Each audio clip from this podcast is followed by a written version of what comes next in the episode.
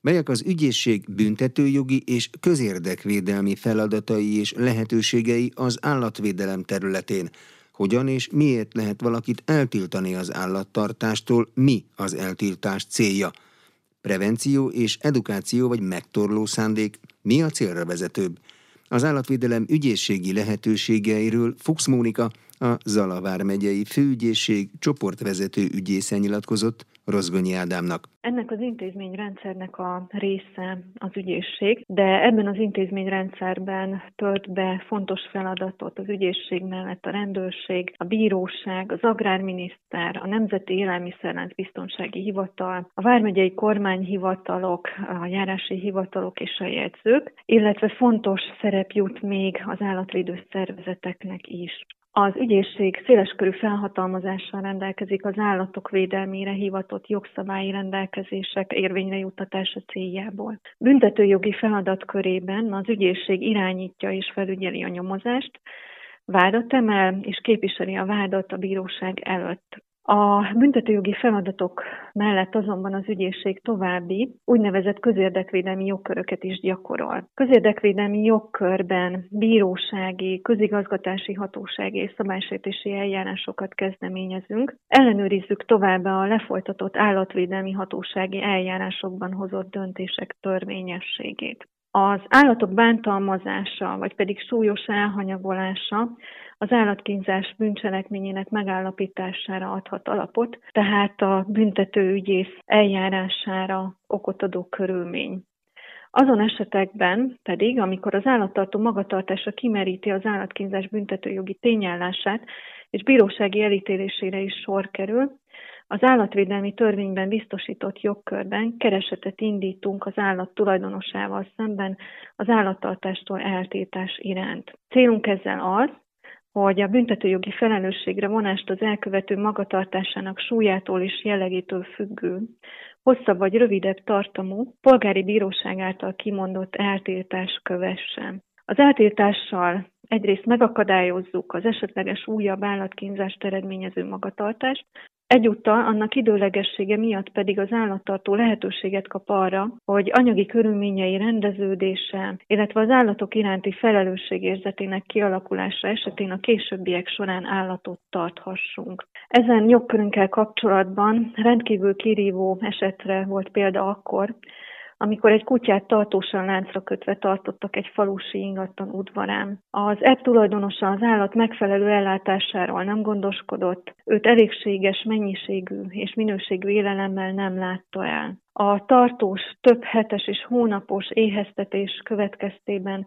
a házőrző súlyos fogban lesoványodott, dehidratáltá vált. A kórosan lesoványodott ebb egy fagyos téli napon az esti órákban kritikus állapotba került, pusztulása kizárólag azért maradt el, mert az állatvédők kiemelték a környezetéből, és rövid időn belül állatorvosi gyógykezelésben részesült. Ezen ügy kapcsán az Alágerszegi törvényszékre benyújtott keresetünkben indítványt tettünk arra, hogy a bíróság az állattartót tíz évre tiltsa el az ebtartástól. A törvényszék jogerős bírósági meghagyásában a kereseti kérelemnek megfelelően tiltotta el az alperest az ebtartástól. Kevesen tudják, de az állatvédelmi törvény hatája bizonyos korlátokkal a házi állatok mellett a vadászható állatfajokra is kiterjed, úgy, mint például a nyestre, a szarvasra vagy az őzre. Az egyik ügyünkben egy falusias település lakója a mezőgazdasági területét azért hogy az oda bejáró, a növényeiben kártevő vadaktól megvédje, kerítéssel körbekerítette oly módon, hogy faoszlopok közé 5-6 sorban csupasz alumínium drótot húzott, majd az alumínium húzalra közvetlenül 230 voltos hálózati feszültséget csatlakoztatott.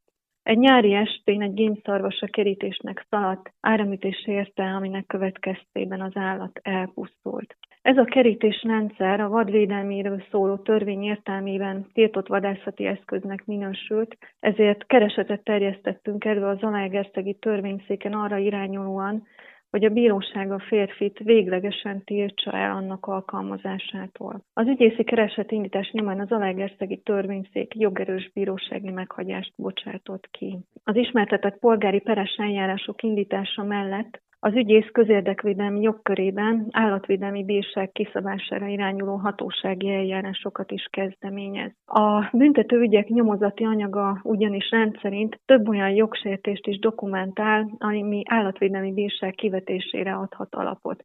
Ilyen jogsértés az elektronikus azonosító transponder, köznapi nevén a chip hiánya, a veszettség elleni kötelező oltás hiánya, az elégtelen élelmezés, a kóborlás megakadályozásának elmaradása, a megfelelő élettér hiánya, például akkor, ha a kutya számára épített kennel túl kicsi és a megfelelő mozgását nem tudja kielégíteni az állatnak, vagy például az ebbtartós kikötése. A bírságolási eljárás kezdeményezésére irányuló jogkörünknek különösen nagy jelentőség tulajdonítható akkor, amikor a nyomozó hatóság a büntető eljárást megszünteti. Ebben az esetben ugyanis a büntető büntető eljárásban nem értékelt. Azonban közigazgatási normaszegés megvalósító cselekmény vonatkozásában a törvényhozó akaratának az ügyész kezdeményezése nyomán a közigazgatási hatóság fog érvényt szerezni. Az állatvédelmi ügyek intézése során ezért nagy figyelmet fordítunk arra, hogy a büntető eljárások megszüntetése esetén az esetleges közigazgatási jogsértések is szankcionálásra kerüljenek. Az állatvédelmi bírság kiszabásának kezdeményezése döntése mellett, vagy pedig önállóan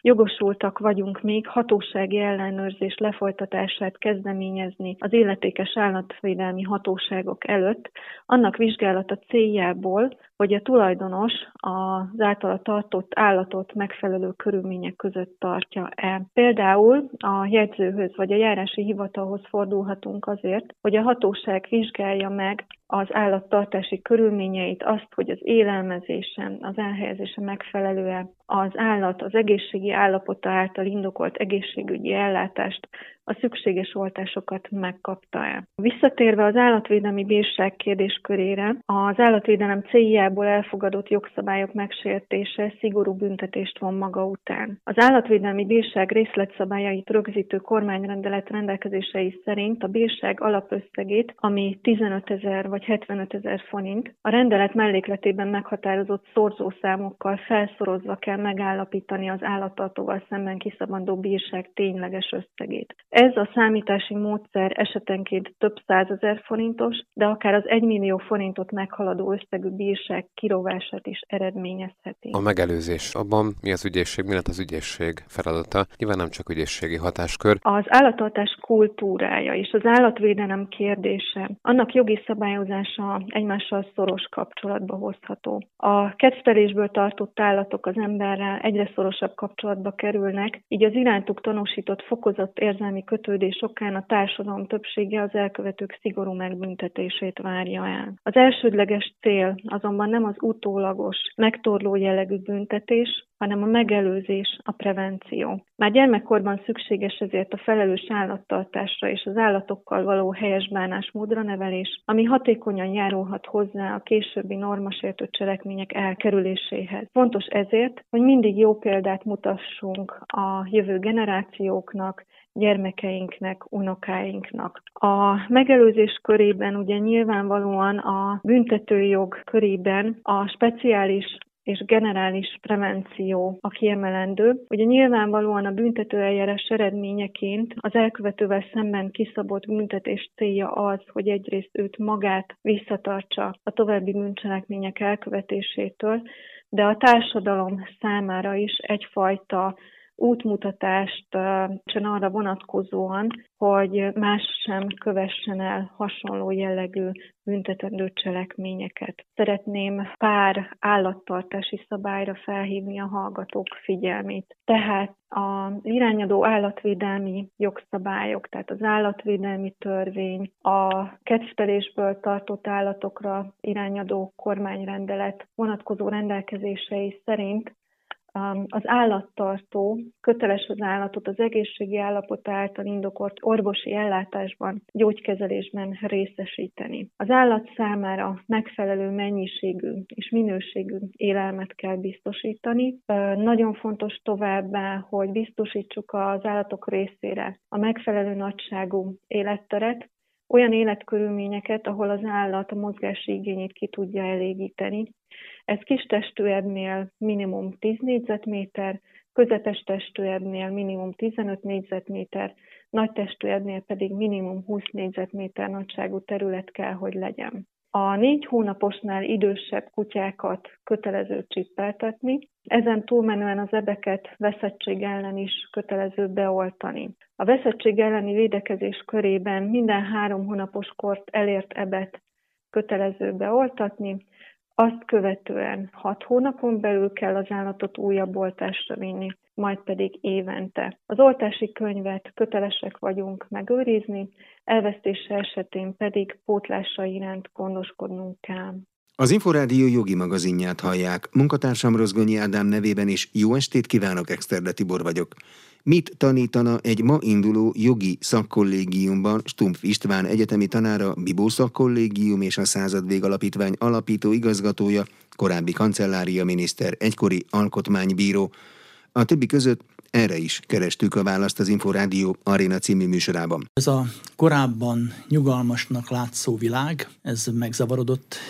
A Pax Amerikánának vége van, a liberális világrend omladozóban van, és ebben az új helyzetben kell megtalálni minden országnak a saját maga képét, tehát olyan ismereteket kellene átadni, amelyik képes a nemzeti érdekérvényesítésre, amelyik képes eligazodni a világba, és én attól tartok, hogy eh, ha ilyen gyorsasággal halad például a mesterséges intelligenciának a térhódítása, akkor eljutunk egy eh, no return pointig, egy olyan pontig, ahonnan már nincs visszatérés, és a mesterséges intelligencia lesz az, amelyik a nyakunkra teszi a kötelet, kötelet, nem pedig fordítva. Tehát meg kell tanítani, olyan képességekkel kell felruházni a bejövő generációkat, amelyik érzékeli a környező világ változását, és le tudja fordítani azt, hogy itt ebből mit kell csinálni Magyarországon, függően attól, hogy az élet melyik területén dolgozik. De milyen érdek alapján kell a cselekvést meghatározni? Ezt meg lehet tanítani valakinek? Szerintem meg lehet tanítani. Magyarországon a magyar nemzeti érdeket kell alapul venni. Az egy zsinórmérték.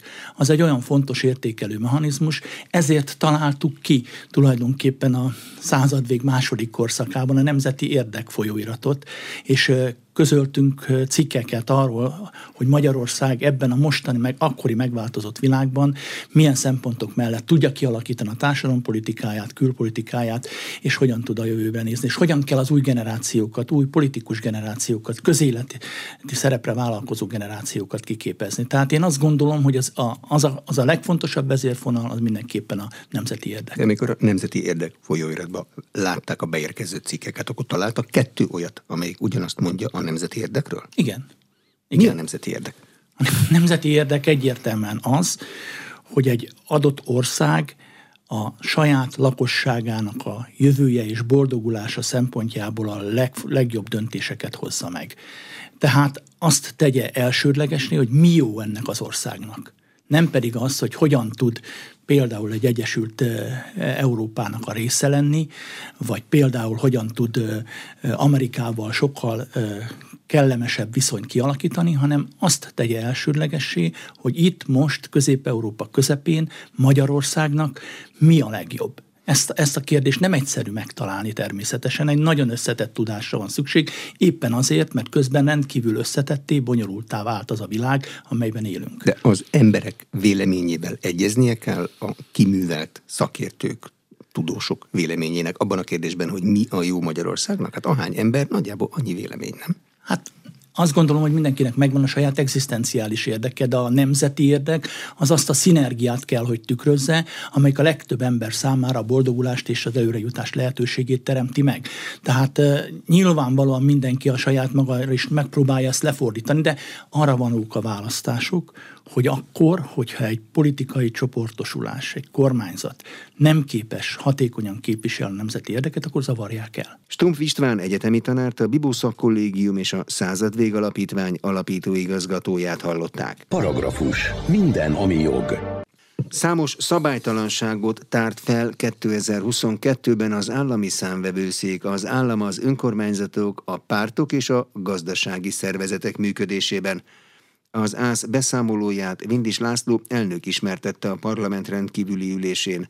Herceg Zsolt tudósít. Az állami számbevőszék sohasem bírságol, hatósági jogkörökkel ugyanis nem rendelkezik, szögezte le beszámolójában Vindis László, az ÁSZ elnöke. Az ellenőrzések célja a feltárt hibák kiavítása, a reparáció, nem a szankció. Intézmény 2022-ben 71 jelentést adott ki, amely 5552 szervezetet érintett. A jelentésekben összesen 70 javaslatot fogalmaztunk meg. A számvevőszék elnöke 2022-ben 2932 címzettet figyelemfelhívó levélben szólított meg, hogy intézkedjen az ellenőrzés során feltárt jogszabálysértő gyakorlat, illetve a vagyon rendeltetés ellenes vagy pazarló felhasználásának megszüntetése érdekében. A számvevőszék 46 esetben kezdeményezte a költségvetési támogatás folyósításának felfüggesztését, és 10 esetben élt jelzéssel vagy megkereséssel az illetékes hatóságok felé. Az állami számbevőszék az árszámadást és az adóhatóság működését is rendben találta, tette hozzá az elnök. A NAV a hátralékkezelési tevékenységének eredményes ellátásával, a digitális eszközök bevezetésével és alkalmazásával, az adóhatóság ellenőrzési tevékenység eredményességével, az adózók kötelezettségének teljesítését ösztönző és a tudatos adózást erősítő intézkedések megtételével hozzájárult realizált adóbevételek növekedéséhez. A sportszervezetek támogatásával viszont nem volt elégedett az ász. Támogatások odaítéléséért felelős akkori szaktárca a sportegyesületeknek, sportszövetségeknek folyosított állami támogatásokat érintő ellenőrzési tevékenységével nem járult hozzá hozzá megfelelően a sportcélú központi költségvetésből származó támogatások céljainak eléréséhez. 2022-ben a számbevőszék több mint 50 önkormányzat gazdálkodásában talált szabálytalanságot, de a tavalyi választással és a nagy gazdasági társaságokkal, illetve beruházásokkal kapcsolatban is bőven akadt munkájuk az ellenőröknek. A számvevőszék 14 magas kockázatúnak minősített gazdasági társaság képviseletére jogosult vezető figyelmét hívta fel a megállapított hiányosságok hibák javítására. További 16 16 nemzeti tulajdonú gazdasági társaságnál volt szükség a gazdasági társaság vezető tisztségviselőjének intézkedésére. Az önkormányzatok előkészítésében lévő 10 beruházás közül 3 beruházás esetében, a központi költségvetési szervek előkészítésében lévő 6 beruházás közül két beruházás tekintetében azonosított hiányosságot az ellenőrzés. Vindis László elnök azt is elmondta, hogy az állami számbevőszék 2022-ben 14 milliárd forintból működött, aminek 80%-át a 493 dolgozó fizetése teszi ki.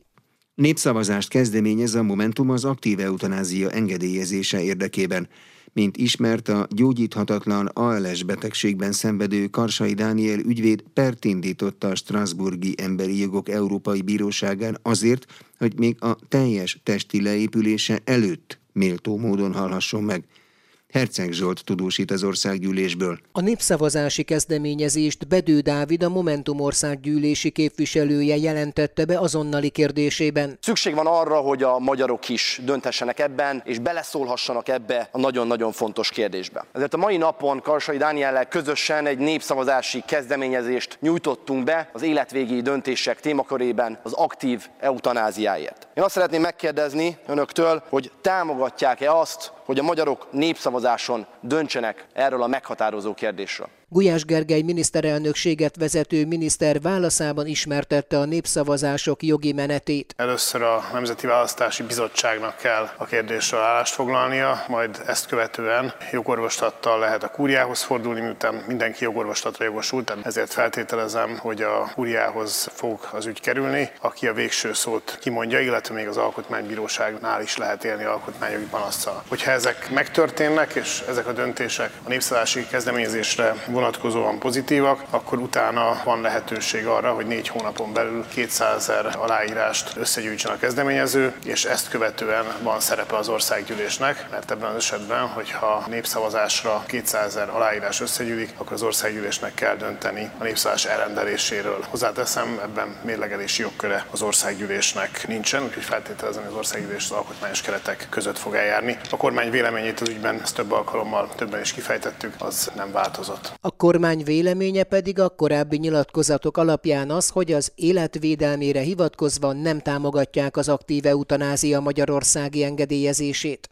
Készül egy jogszabály, amelynek alapján külön polcokon kell majd árulni a génmódosított alapanyagokat tartalmazó élelmiszereket, Ez is az országgyűlés plenáris ülésén derült ki. Herceg Zsoltot hallják. A fogyasztónak jogában áll tudni, hogy mit vesz le a polcról, hívta fel a figyelmet kérdésében Bence János, a Jobbik országgyűlési képviselője. Miért csak apró betűvel jelenik meg a GMO tartalom a termékeken? Nem gondolja a tisztelt államtitkár, hogy a fogyasztó oldalról szerencsésebb lenne egy egységes jelölés, matrica vagy embléma formájában ezeknél a termékeknél. A kérdésem aktualitását pedig az adja, hogy a mezőgazdasági bizottság ülésén Font Sándor elnök úrtól elhangzott, hogy készülőben van egy olyan jogszabálytervezet, egy javaslat, amelynek értelmében a GMO tartalmú termékek külön polcra kerülnének az áruházakban. Ezzel kapcsolatban merült fel bennünk a kérdés, mit is jelent, hogy egy élelmiszer GMO tartalmaz. Azt jelenti, hogy az élelmiszer direktben GMO tartalmú anyagot tartalmaz, vagy pedig azt, hogy valami másodlagos módon tartalmazza a GMO-t. Olyan állat húsából készült, ami GMO tartalmú takarmánya lett etetve. A mi véleményünk szerint a GMO-s takarmányt fogyasztó állat húsa nem GMO-mentes, hiszen nem tudjuk milyen hatással van az állatra és a fogyasztóra. A tervek szerint a jövőben valóban elkülönítve forgalmazzák majd a GMO tartalmú termékeket, jelentette be válaszában Farkas Sándor, az Agrárminisztérium parlamenti államtitkára. A tagországoknak lehetőségük van nemzeti hatáskörben szabályozni, hogy mely esetekben lehet feltüntetni az élelmiszereken vagy takarmányokon a GMO mentességet. Szeretném megerősíteni, hogy ezek a jelölési tanúsító védjegyek várhatóan miniszter úr támogatásával bekerülnek a kereskedelmi forgalomba hozott árukra is, és elkülönítésre fognak kerülni azok az árucikkek, amelyekben egyértelműen GMO-s alapanyag vagy GMO kimutatható az Európai Uniós irányelvek számadata szerint.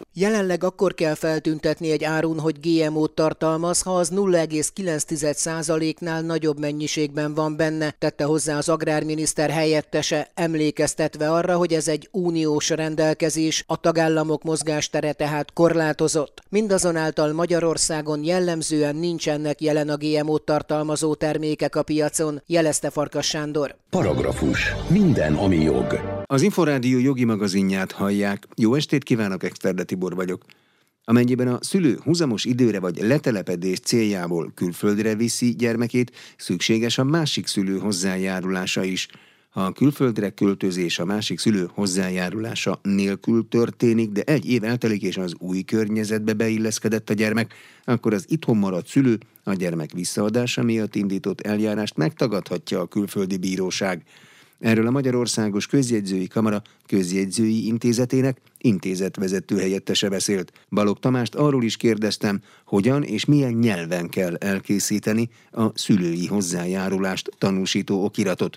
Előfordulhat, hogy gyermekünkkel vagy gyermekeinkkel külföldre utazunk úgy, hogy ha van két szülő, akkor csak az egyik szülő viszi a gyermeket. Kell-e ehhez bármilyen engedély, papír, jogosítvány, úti okmány, bármi? Baló Tamás, a Magyarországos Közjegyzői Kamara Közjegyzői Intézetének intézetvezető helyettese magyarázza el. Jó napot! Igen, abban az esetben, hogyha a gyermek húzamos időn át tartózkodik külföldön, akár önállóan egyik szülővel, mindkét szülő egyetértésére szükség van. Tehát, hogyha ez egyik szülő úgy dönt, hogy a gyermekkel véglegesen külföldre költözik, vagy húzamos időre külföldre távozik, minden esetben szükséges a másik szülő hozzájárulása is. Ugyanis, hogyha még el is váltak a szülők, a külön élő szülőt még továbbra is megilleti az a jog, hogy a gyermek tartózkodás helyének kijelölése, megváltoztatása, külföldre költözése esetén együtt döntsön a másik szülővel.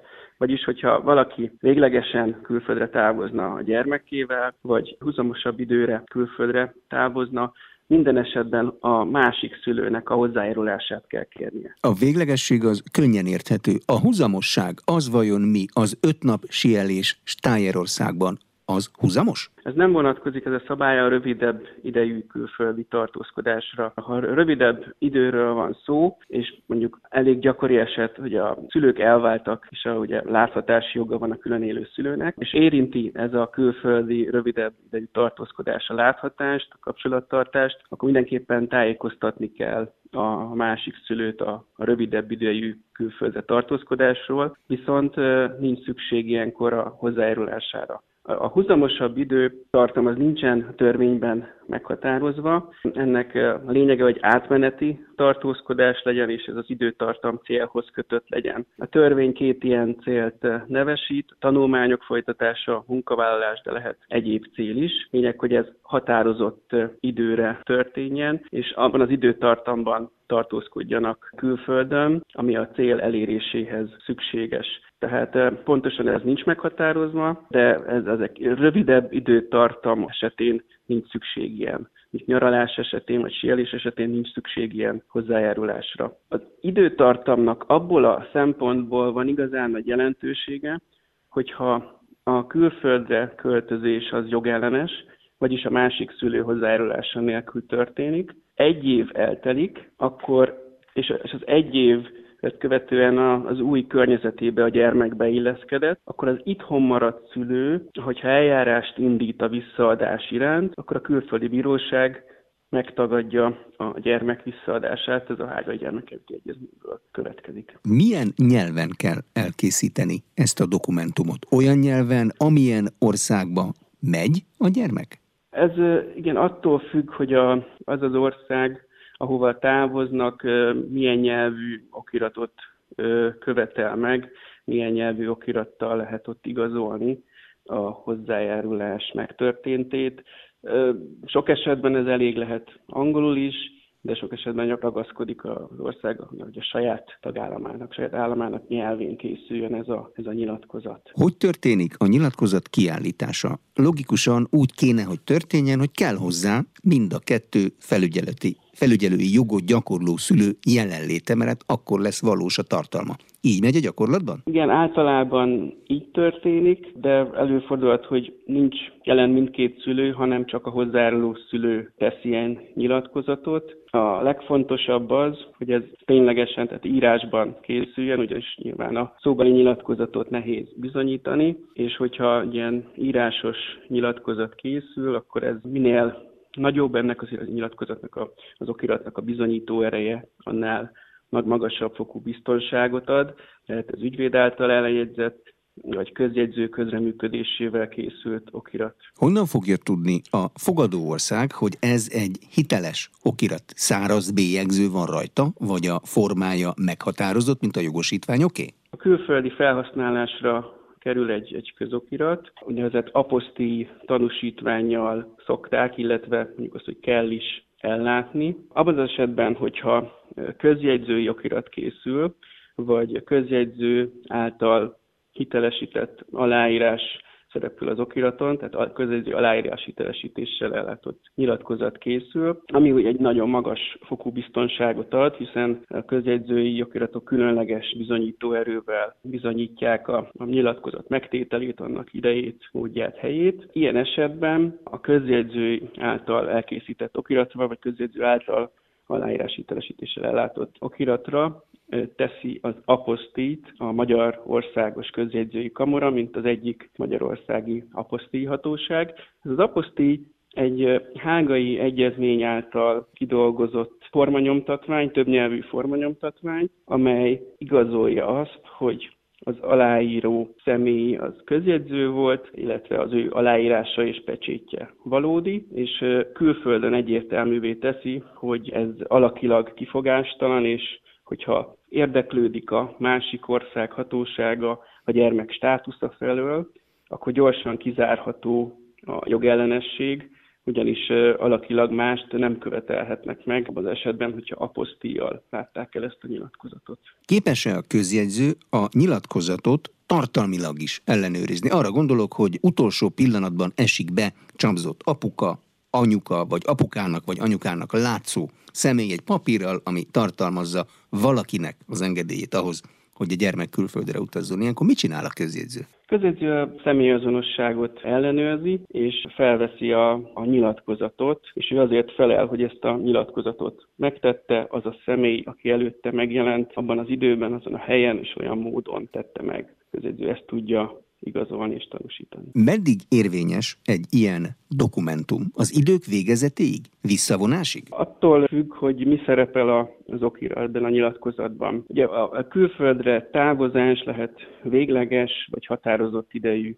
Hogyha végleges, akkor ennek ki kell derülnie hozzájárul a nyilatkozatból, hogy a Magyarországon maradt szülő a végleges külföldre távozáshoz, a letelepedéshez adta az ő jóváhagyását, hozzájárulását. Ez esetben újabb ilyen nyilatkozatra már nem lesz szükség. Hogyha határozott idejű a külföldre tartózkodás, külföldre tartózkodás, ez esetben ennek is egyértelműen ki kell derülnie a nyilatkozatból, vagyis, hogy a határozott időtartam mik terjed ki a nyilatkozatnak a hatája, és hogyha ezen túl is külföldön tartózkodna a gyermekkel a szülő, akkor már fennáll a jogellenesség. Visszavonható? Tehát be lehet menni még egyszer egy közjegyzőt, és azt mondani, hogy meggondoltam magam, vagy az az elsőre semmilyen hatással nincs erre ritka, hogy sor kerüljön. Minden esetre természetesen mindenkinek jogában áll meggondolnia magát, viszont akkor már más lesz a más körülmények állnak fent,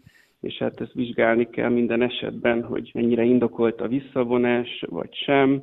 Minden esetre sor kerülhet erre. De ilyenkor ezt már nem a közjegyzőnek kell megcsinálnia, nem nyomozó hatóság, gondolom. Pontosan, pontosan ez már egy más kategória tulajdonképpen. Gyakori, hogy szülők kérnek ilyen hozzájárulást? Ezt nehéz úgy feltérképezni, mert erre ilyen nyilvántartás mi nem vezetünk, tehát a Magyarországos Közjegyző, mikor nem látja pontosan, nincs ilyen ügytípus. Ez is egy olyan közjegyzői okirat hatája alá tartozó kérdés, tehát nincsen eh, ez így kategorizálva, hogy ezek a nyilatkozatok közül mennyi készül el. Tehát ezt pontosan nem tudjuk megmondani, viszont az aposzti irodában, a Magyarországos Közjegyzői kamaránál itt a Stróbölös utcában, az aposzti irodában olyan eh, aposzti kérelmek szoktak megjelenni, amikor is a gyermek Amerikai Egyesült Államokba szeretne tanulni, ösztöndíjat szerzett, és a, az amerikai hatóságok a belépéskor kérik a, a szülő vagy szülők hozzájáruló nyilatkozatát a külföldi tartózkodáshoz,